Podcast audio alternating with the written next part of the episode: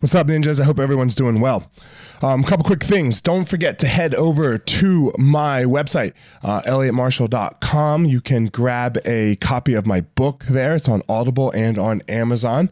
Um, also, there is my webinar, um, and this can be reached from my Instagram, so firemarshal205 give it a like, give it a follow, and you can get uh, my webinar there. You can get a free copy of my ebook there as well. So that's on Fire Marshal 205. Um, you can get to the, the course as well if you are interested in the course. And other than that, head over to you, my YouTube channel. Uh, again, Fire Marshal. I think it's Fire Marshal 01 for the YouTube. And give it a like, give it a subscribe, enjoy the content. And uh, man, that's it. If you are enjoying this podcast, please again share it with somebody i would love if you sent something that you felt really helped you to a friend so uh, forward that on that would be greatly appreciated. Obviously like and subscribe on itunes or spotify wherever you're listening. So um, without further ado here we go.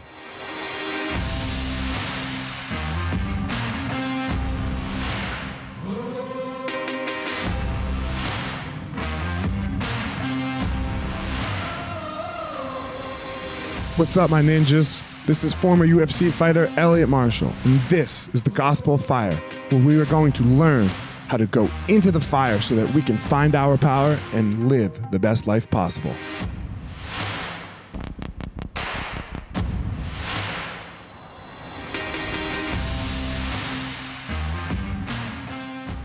What's up, guys? This episode of the podcast is with Dan Cleland. Dan is a, I don't know, he's a natural healer, I would guess. Um, I would say he, you know, went through his own struggles in his early adult life, and then he found this natural plant medicine known as ayahuasca.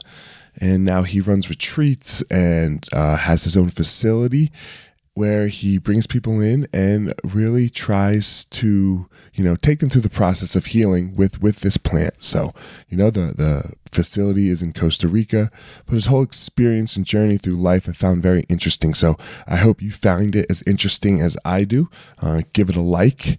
If you do share it with a friend. Subscribe wherever you're listening. So uh, without further ado here we go. Dan Cleland What's up, Daniel? Down there in Costa Rica. How? I mean, you're in a tank top. Looks like you know you got off, just got off the beach. Must be good. Life must be good down there. I actually just got out of the gym, man. Okay. I, uh, I, had a, I, had a hike, one up. Um, so, so we got this place, Soltara, down here, and um, you know, I've always been a real kind of nature buff and mm-hmm. hiker. I grew up in Canada. Always loved being in the forest and the mountains, and then I started traveling South America and Central America and started to love the beach. And then I decided, like, I don't know, five years ago that I wanted three properties one on the on the beach, one in the jungle, and one on the mountains. And then I found this place uh, about four years ago here in Costa Rica. That's a beachfront, jungly property with a mountain right outside the door. so I basically got a, a three in one uh, package deal here. So yeah, I um, I got. I made it just for you. Just well, I mean, I've got to make a business out of it to sustain it. But yeah, um, yeah, I basically got up this morning, threw my clothes on, went over to Soltara, um, did a hike up the mountain to warm up, and then I've got my own gym there. So I mean, it's shared with all our clients and everything, but I built it, and you know, it's I consider it like you know, it's I put all the stuff in there according to my own taste. So then I had a workout, came here, crushed a shower, and here we are. Here we are. So, you know, Man, you mentioned still sweating a little bit. You've mentioned it twice a little bit here. Soltara. Tell me a little bit about Soltara. What is Soltara? Soltara. Soltara. Soltara Healing Center is uh, Shipibo. Uh, Shipibo is an indigenous tradition of, of ayahuasca healing or, or shamanism, as some people refer to it uh, that we built here in Costa Rica as a continuation from the work that I was doing in Peru. Um, so I started in the field of ayahuasca about 10 years ago in 2010 and in 2014 built a retreat center in the Peruvian Amazon, ran that for three or four years, uh, I, I, guess about three years. And then in, in 2017, I sold that, came up to Costa Rica, in the interest of you know, having a little more beach time, having a little more in the way of like a developed kind of lifestyle, a little more proximity to North America, and all kinds of amazing benefits that Costa Rica boasts. Came up here in 2017, started building this retreat center. We opened in 2018, and basically now what we're doing is serving uh, 20 customers a week. They come in for a week at a time and do these uh, healing retreats with ayahuasca uh, medicine, which is a plant medicine from the Amazon jungle, of course, psychedelic, very visionary, healing uh, medicine. And we work with the same Shipibo tradition that we worked with in the Amazon. So, but just instead of doing it in the Amazon, we essentially transplanted the traditions up from the Amazon into Costa Rica. And so that's what we do here. We, uh, you know, it's a, it's a beautiful uh, beachfront uh, resort and retreat center, and we host people from all over the world. Of course, right now, though, due to COVID um, and the lockdowns in many countries like Canada, like around Europe, like Australia, New Zealand, most of who we're serving right now are Americans. Okay. I want to get into the ayahuasca thing because I'm so interested uh, and petrified all in the same. so, um, but how did you get into this kind of work? Like what what what drew you to this? Like something your past, your history, your story had to get you here. So let me hear about it. Yeah, man. Well, like many people in this line of work, I, I started having interest in the medicine and working with the medicine based on my own personal needs, my own personal lifestyle, right? Like I, um, I, I found myself in a position where I was having difficulty in life and I was struggling to find my path. I was struggling to find the relationships I wanted. I was struggling to earn uh, a living. Uh, I was really just struggling to be happy. I was I was very depressed. I was I was lost. I felt like I had no hope in life. How old and, were you during like, this uh, struggle? Going time? on thirty, you know, kind of the end of my twenties. You know, I had a, a real adventurous decade in my twenties um, you know, I, I, I used to party a lot and, and do a lot of traveling and stuff like that, which was great when I was a bohemian backpacker that didn't really need a lot of money to live and um, and, and was able to take risks, whether physical risks or lifestyle risks and stuff like that. And uh, then, you know, approaching 30, I found myself in the position that I think all too many people find themselves in, which is like, yo, I'm getting older now. I've got to figure my shit out, you know, and I, and I found myself feeling like I was being judged by the, the, the females that I wanted to engage in like romantic partnerships. It's like, you know, you, you start to date like 30 year old women. It's like, okay, well, well, they start looking at you like, what are you doing with your life? You know, do you have your shit together? Are you making resources? Are you the kind of candidate that can someday support a family or someday be responsible enough to be in a, in a long term, you know, beneficial relationship or, or even marriage? And I had gotten all this amazing life experience. I'd spent a lot of time in South America, working in tourism, traveling around, beating myself up, uh, getting in trouble. And um, you know, I had I had this wealth of experience, but I didn't have any real career or any any real direction or any resources to show for it. And that all kind of culminated one night in Australia when I went uh, rock climbing in the middle of the night when I had a bottle of whiskey in me, and I ended up falling 20 meters from a cliff and hitting the ground, shattering my femur and breaking my pelvis in half and spending the next 40 days in a hospital in Australia. And, um, you know, like I had lots of time to think while in this hospital. And I kind of had this personal crisis where I'm like, what the hell am I doing with my life? I need some help. Yeah, I was, I was experiencing a lot of negative mindset uh, circulation, like just kind of, uh, it felt like I had some negative like programs in my head, like software, like bugs in the software that was just like, just, you know, fucking everything up basically. And uh, I was aware of what ayahuasca was, but I was like you are right now. I was terrified of it. You know, I was afraid to do it. I had taken psychedelics in the past, but what I heard about this ayahuasca was like it's the most intense thing, makes you purge, makes you face all your demons, makes you confront all your traumas and all the things you don't want to see that you bury with, you know, substances or, or distractions or whatever.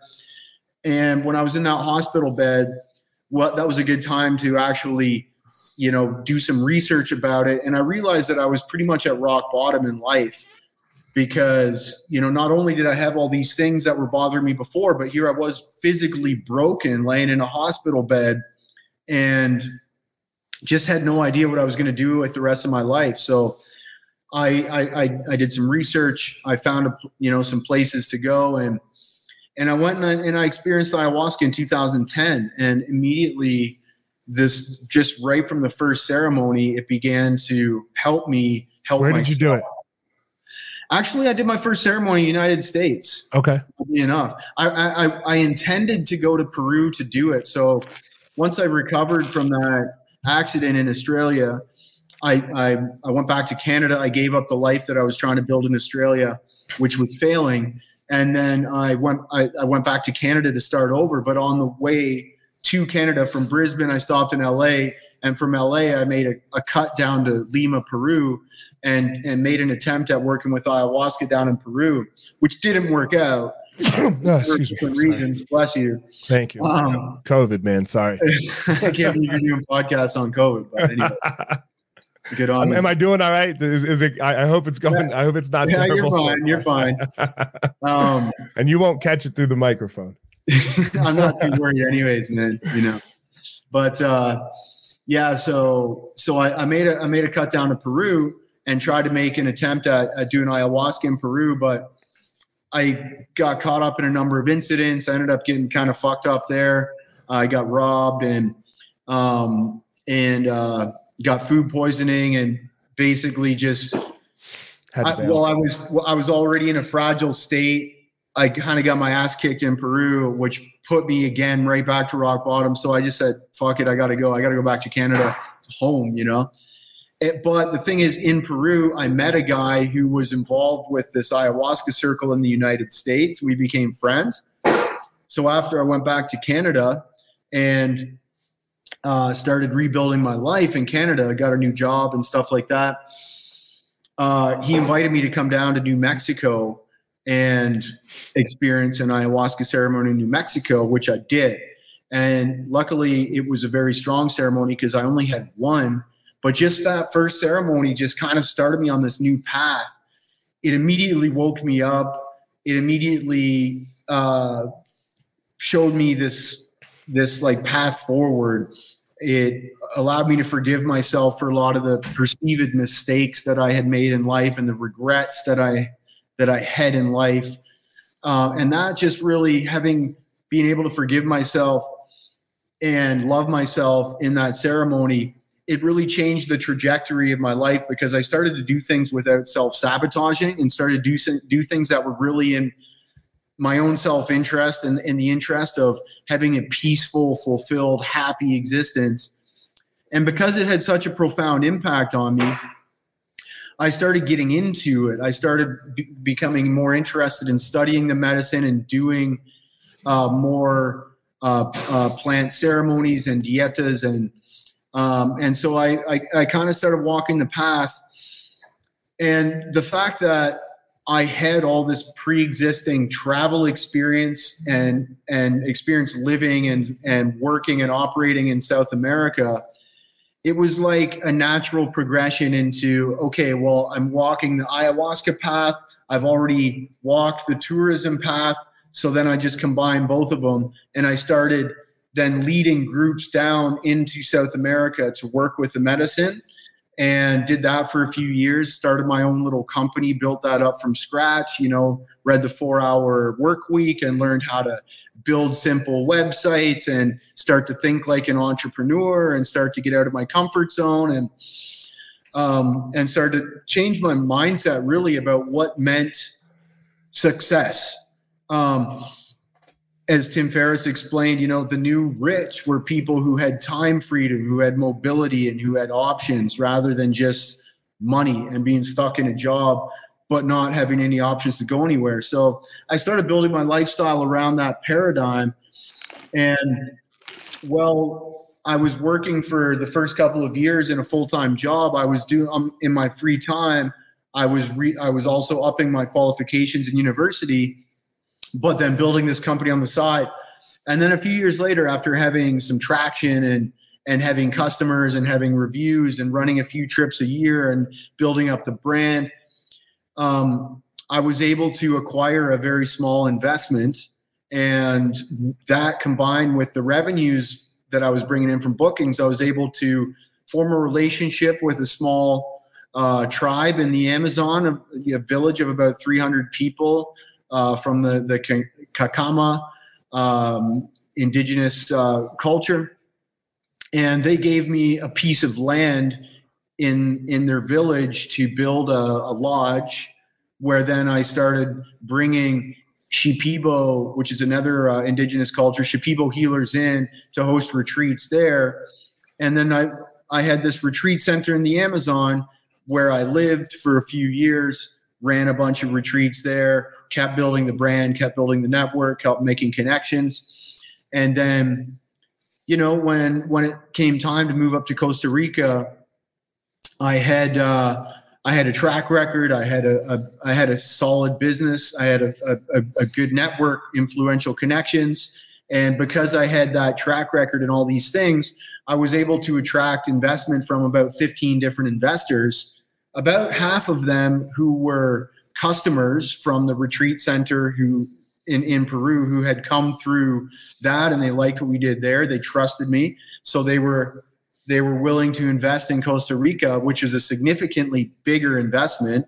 As you may be aware, Costa Rica is not a cheap country, especially mm-hmm. beachfront property. Um, and the other half were from, you know, kind of friends and family that had seen me improve over the past, over the previous you know number of years, six or seven years, that from that rock bottom point in Australia to having a thriving business in Peru. And I took that investment, came up to Costa Rica, and, and built Soltara. So, a couple minutes back, you said woke up. You woke up. What was that like? Like, what was what was the awakening? So, like, before we get too much into the plant in in, in of itself, but like, what happened what did the plant allow you to do i guess is my saying and, and was my question and where did that like like sounds like it was like that woke up as like this aha moment or, or maybe i don't know an aha period yeah well it, it was really it was really a, a, a self forgiveness. It was it was it was a vision I had in the ceremony that you know I I I I, just liked myself a lot. In fact, I, I loathed myself um, before this ceremony, and it was for a lot of things. Like you can see, you know, I've got a crooked nose, I've I've got you know separated shoulders, I've got broken fingers, and then this this fall from Australia. All these stupid things that I did most of the time, well, you know, being wasted. Um, and I I I I just I didn't like what had become of me and what had become of my life. And I blamed all that on decisions that I had made, which, of course, you know, we should be accountable for our decisions. And yes, it was my fault where I was because of the decision, the, the, the decisions I, I had made.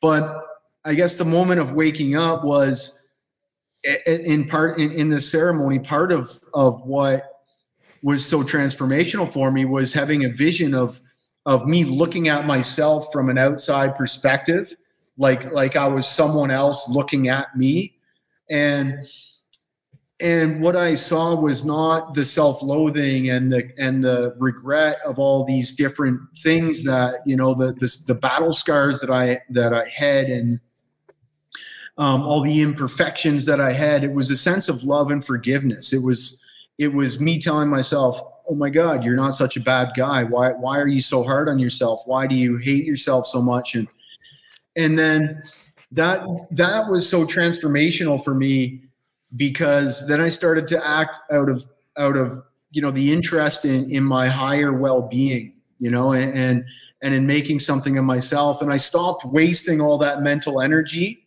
because, man, when you're trapped in a cycle of regret and self-loathing and living in the past and wanting to do, you know, wishing you had made different decisions in the past. I mean, that takes up a lot of mental energy and a lot of emotional energy, right? So then you can't invest that into building a better future. So like I, I really can't get by like so what you said right there loving yourself, right? Like that you you're not a bad guy. Um I just read this book uh, called A Wise Heart by Jack Kornfield. and it really talked like right in the beginning it hooked me right in the beginning because he the idea that we're born bad or like born in sin and we need for need forgiveness I, I don't understand how everyone doesn't end up depressed. Like like that that that idea kills me rather than like what he was talking about with this idea that we're born good. Like you, you're a good person. And and look obviously um you know bad things happen and people might become bad. But who we are when we're born and what what we are like at our core like isn't bad.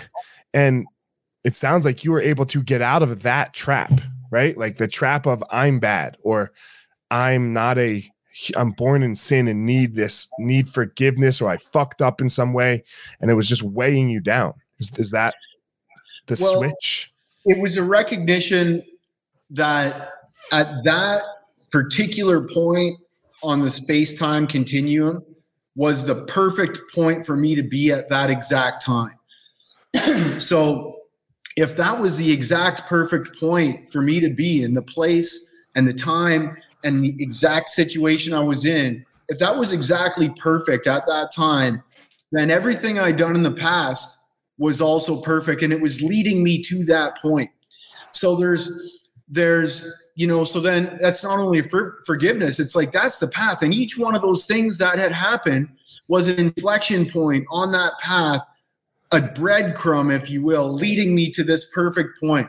So at that perfect point it's like okay you know there's there's a there's a, a difference between acknowledging that you're accountable for your outcome and for your decisions and for where you are in life um and and lamenting all that stuff. So it's like, okay, so you know, all of those things. Yes, I was not in the ideal. I was not in the ideal, uh, you know, place from a career perspective and all that.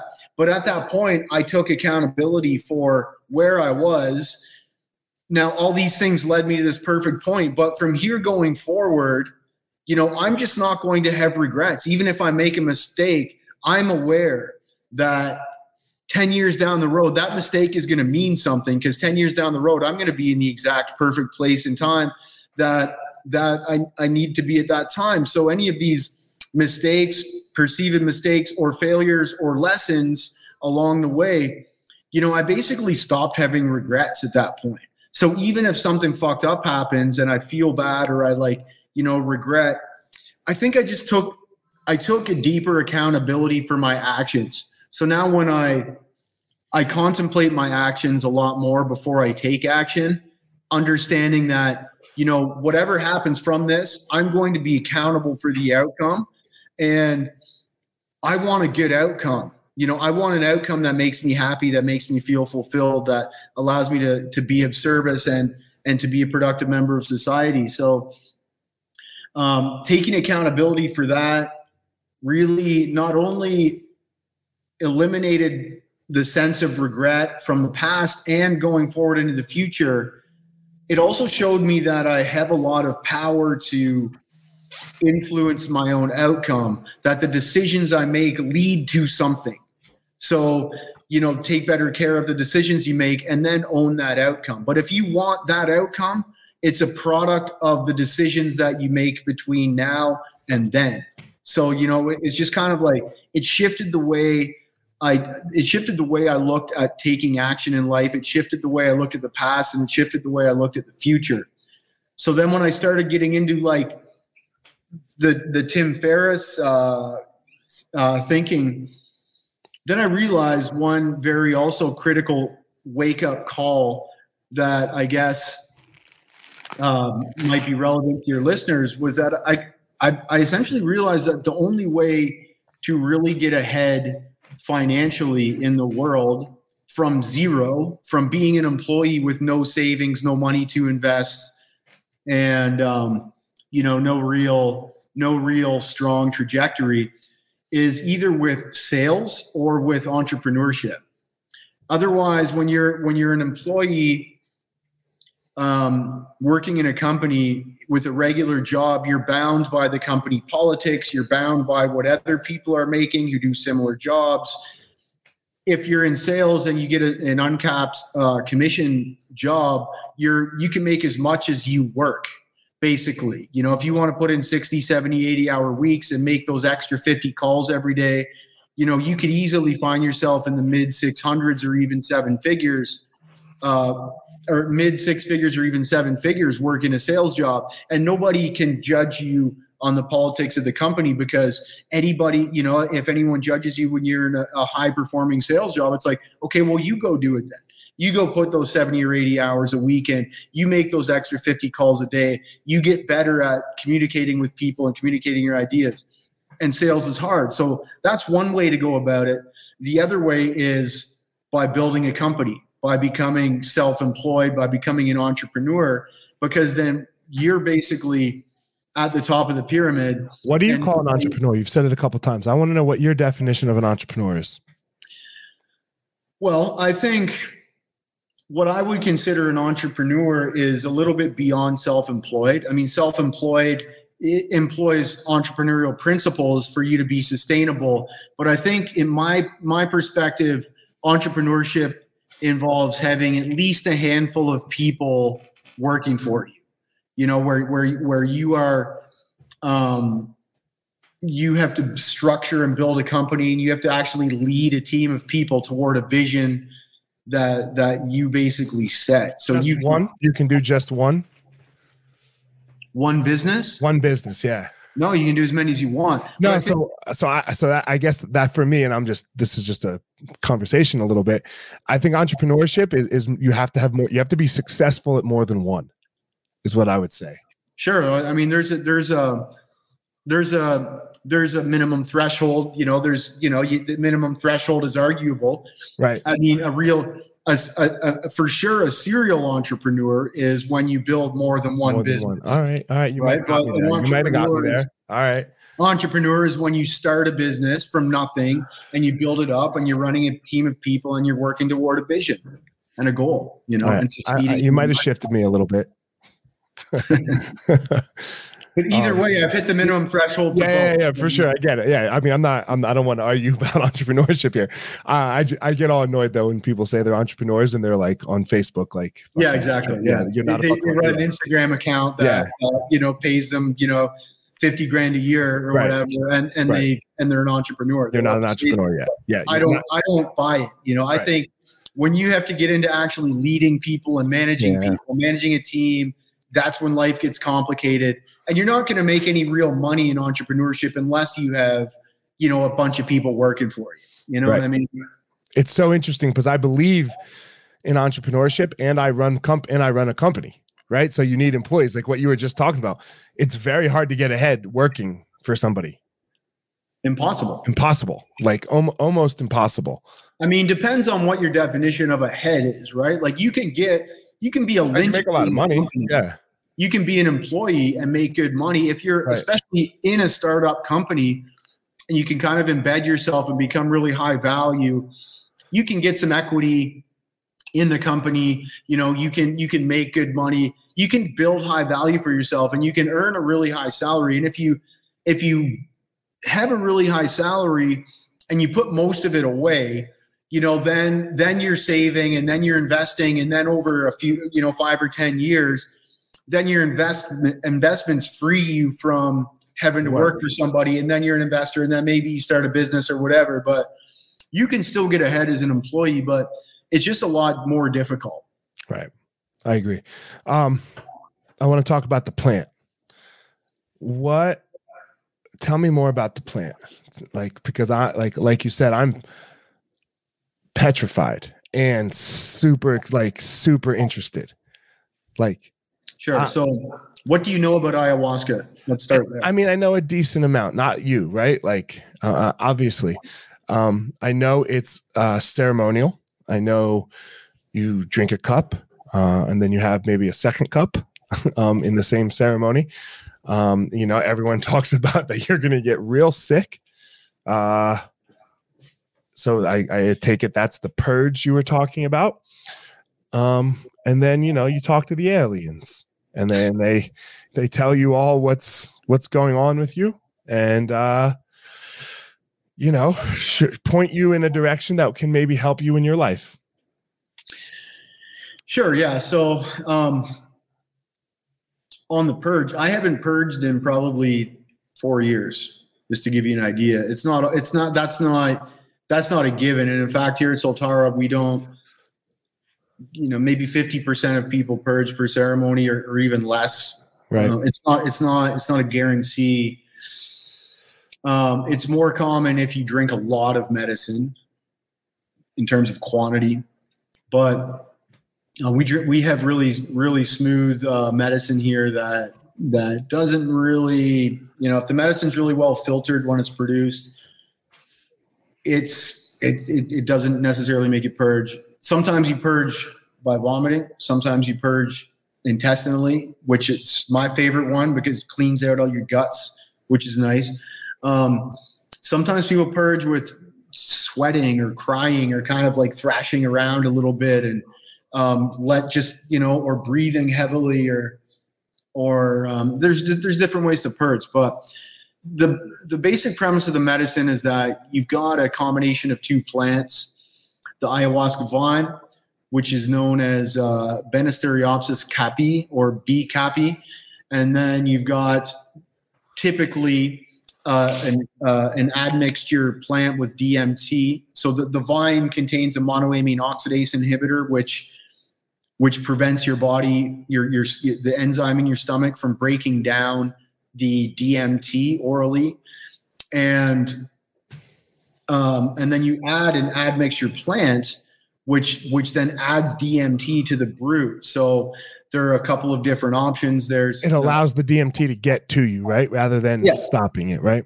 It allows the DMT to to you know um, diffuse into your bloodstream through your stomach and then have have an active effect on your on your brain and body um, so the the most typical admixture plant that you'll find in the Amazon is probably uh, chacruna, which is Psychotria viridis, and um, that's generally what we use here. There's another one called Wambisa, uh, which is uh, I forget what the scientific name is, but um, Diplopterys or something, but I don't know. I don't want to. I don't want to guess at that, but um, those two plants contain DMT. They're from the Amazon, high amounts of DMT. So those mixed with the ayahuasca vine produce and cooked with water and reduced. So it's it, it's like a tea, but then you reduce it until it becomes like a syrup cooked over a, a campfire for many hours. Um, actually, where we're getting our medicine now, they, they they take days to cook it.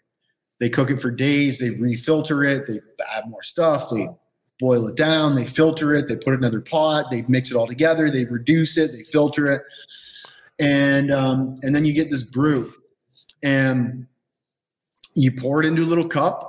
You know, like a a two ounce shot glass and you drink it during the ceremony. This it's it's a ceremonial setting, so people assemble in in the Maloka. In our case, as I said, we work with the Shipibo tradition. So, you know, the way they generally do it is in a, in a circular ceremonial building with a cone shaped roof, and um, and everybody sits around the outside on mattresses and comes up to the healers so we call them curanderos or healers. Other people refer to them as shamans, but they prefer maestros or, curanderos. And um, and people come up one at a time and they imbibe the medicine.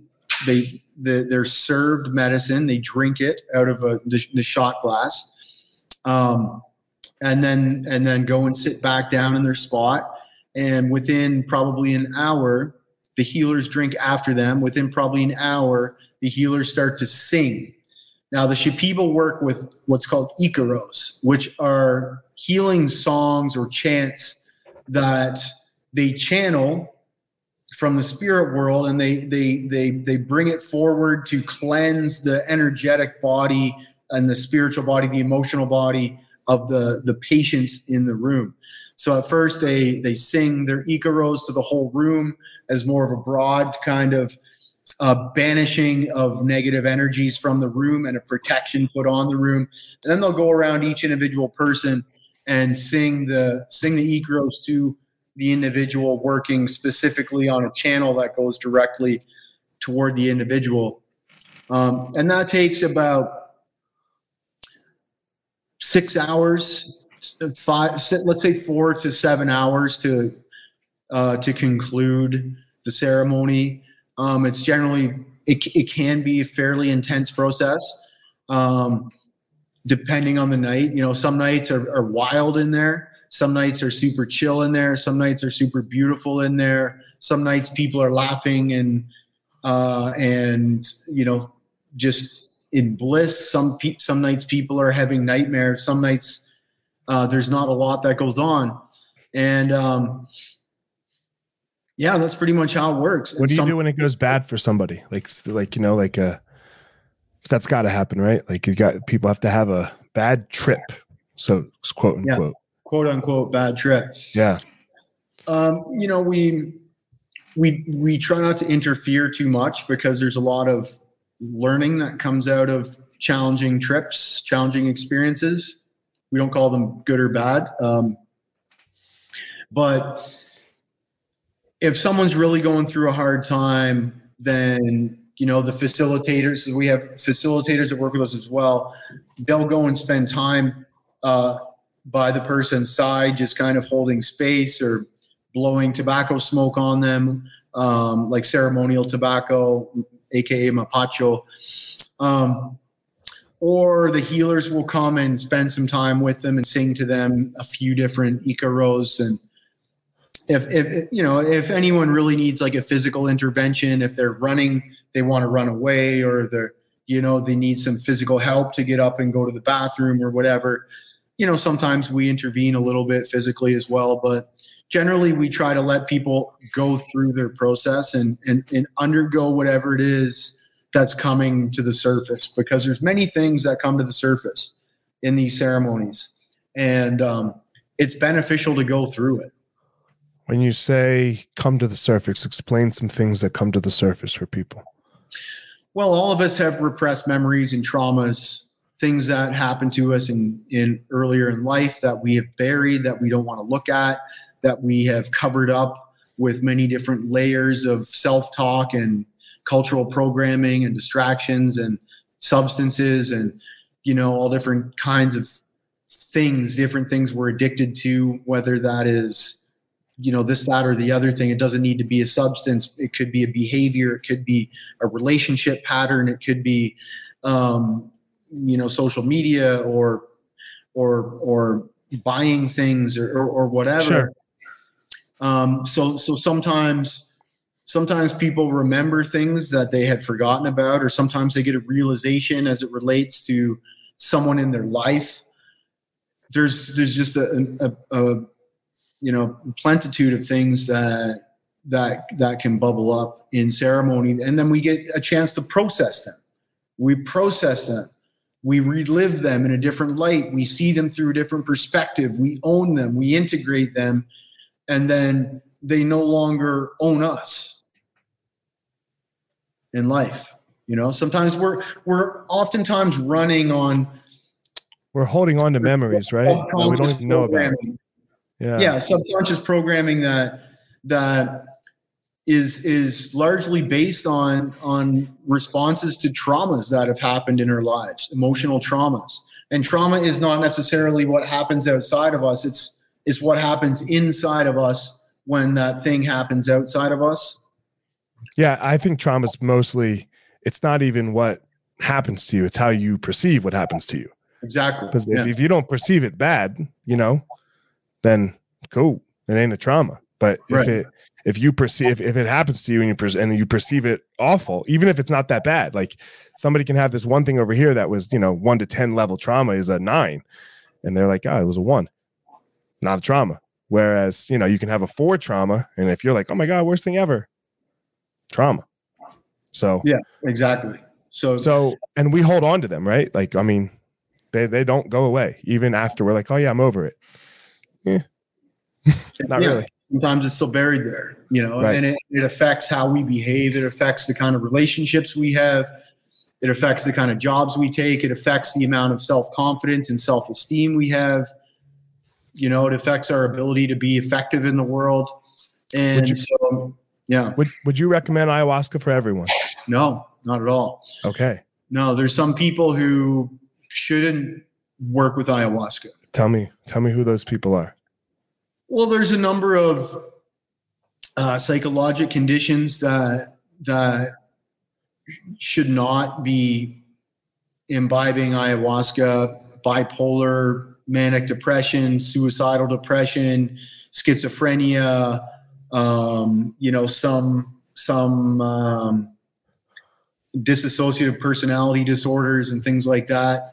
So we have a very stringent intake process, which which teases out these these potential conditions. You know, people have been and spent time in mental hospitals. Not a good idea to come and drink ayahuasca. People have a history of suicidal thoughts or suicidal tendencies. Not a good idea to drink ayahuasca. Um, you know, if you've got if you've got schizophrenia in your family history, not a good idea. It could it could open that up. Generally, for people, you know, who who don't feel um, a calling to work with ayahuasca, it's maybe not a good idea. You know, some people don't want to put, don't want to be exposed to that exposure of of having to face and, and process some of those repressed memories and traumas. You're one of the first healers of any kind. I mean, from chiropractor to whatever that has ever said to me, nah, man, my shit ain't for everybody. Because normally, right? Like they're like, everyone's like, oh, no, no, no I'll fix whatever. You know, I'll, uh, my, you're, you know, uh, you're a muscle guy and you'll cure cancer. I'm like, man, you ain't curing cancer. So that I, I appreciated your answer of no because Well, yeah, I mean, I, I used to think that it was for everybody, but over the course of you know ten years, I'm working with thousands of different people and also being involved in the field and and hearing different stories. Yeah, man, some people have some people have adverse reactions, and and, and there's usually a pattern to that, and Mhm. it, it, it has to do with those aforementioned mental conditions, and also there's there's some, you know, medications and drugs and addictions that if you have you, you should not be mixing with ayahuasca you know if you're on antidepressants if you're taking ssris you need to get off that shit before you drink ayahuasca if Right. you're if you if you're on if you're addicted to drugs you know you can't just show up at her door after having been doing opiates for five years or addicted to cocaine or, or even alcohol you can't show up and drink ayahuasca because it could cause adverse Sure. Yeah, no, it, it makes yeah, no, I, I I just appreciate the honesty. Um I know we both got to run here soon. Uh just two questions that I ask everybody as as I close as we close the podcast. Um you and I don't know each other. We've never met before, you know, 45 minutes ago. Um and not to like toot my own horn, I I, I like to hear people's reasonings. So why would you say yes, right? Because like I know you're way into Tim Ferriss. I'm not fucking Tim Ferriss, right? This podcast is not Tim Ferriss level. Um, what, what what's the reasoning for going on? You know, some random dude who hit you up. To be honest, your team was persistent.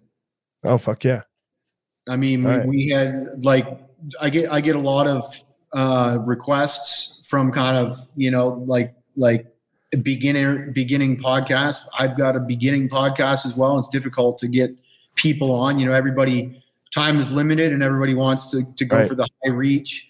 But you know, your your team uh, re- has been reaching out to me for six months or something like that. So or even longer. So I just said, squeaky wheel, you know, so squeaky uh, wheel. Yeah, I I just like to hear it. Fuck yeah, cool, good good job, Rory. When you listen to this, good work. um, I also believe that everyone has a unique power. You know, something that they are that they go out to the world with and become amazing with. What not makes a lot of money and not makes you famous or any of that bullshit, right? Something that you give back to the world. What is what would you say your power is? Probably imagination, visualization. You know, I, I can I can I can viscerally see and feel and put myself in a place in the outcome that I want.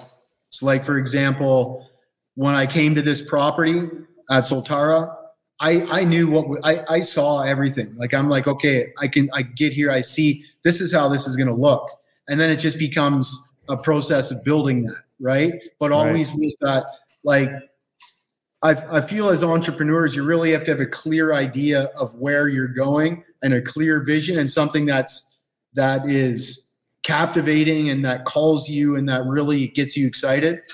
And I think lacking imagination makes it very uh, difficult to to be an entrepreneur because you don't have that. But I I think that's probably my superpower as an entrepreneur. And the same thing happened when I built that center in Peru. Like I got to that property, I'm like, I can see this whole thing, and I drew it out, and you know, it's like, and then you, I was able to. You knew where it was going to be before it was there. Yeah, exactly. You know, so then it's just then it's just about learning the tactics and strategies and and how to be effective at at manipulating the world around you to make that thing happen. For sure. Know? And there's all kinds of like there's all kinds of books and information about how to do all the functional stuff, but to not have the imagination to see something and to get excited about it, I think is is a fault as an entrepreneur. I, I don't think you can overcome that because if you don't have the imagination and the creativity, you're not going to get the visions, right? Right. Or you're just sure. going to run a business where it's like, okay, I want my spreadsheet to look this way, and then you just got your heads in spreadsheet manipulating numbers to to get there. But to really create something, to really create something that that makes you fucking feel alive, it's like, okay, you got to have that imagination. That's what I yeah. So that's so that's a key difference for me with entrepreneurship too, is you have to like be in it. You're not just like, you know, selling, you know, selling iPhone cases on Instagram because or on on, on the internet. But that's that uh, you, you just run businesses.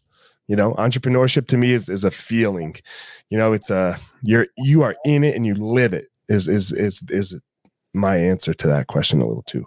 Um, man, thanks for coming on. I know you said you have a podcast.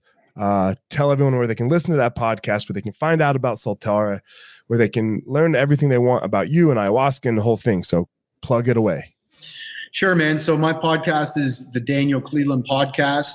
Uh, it's on my website, danielcleland.com. Um, we're on iTunes, Spotify, Google Podcast, YouTube as well. It's, it's we take video as well, and uh, of course I'm on social media, Daniel Cleland, and then uh, Soltara is uh, is on the internet at soltara.co, and also on social media at Soltara Healing Centers, the handle, Instagram, uh, Twitter, and uh, Facebook and all that good stuff, and all kinds of really good content. YouTube channel for Soltara as well. Lots of educational videos about ayahuasca. Um, I've produced a couple of documentaries about ayahuasca. If anybody is interested in those, they're also on um, my YouTube channel and my website. So there's all kinds of info if you just check out that stuff. Well, thanks for coming on, man. Super educational, super interesting perspective. Um, like I said, really appreciate saying no, man. Everyone shouldn't come do this shit because that is not something you hear um, often. Like I said, so uh, more power to you, guys. As always, Daniel has his own power, and I have my own power. Don't go out in the world and try to be Daniel, and don't go out in the world and try to be me. You all go out there and you find your power. All right, everyone, thanks for listening to this episode of The Gospel of Fire.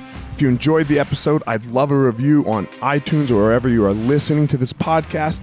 Don't forget to follow me on social media at FireMarshal205. If you are a BJJ enthusiast, check out my YouTube channel. I put all kinds of instructional DVD uh, videos out on there, so go check it out. My book is still out on Amazon by the same name as the podcast, The Gospel of Fire. So if you are interested, go check out that.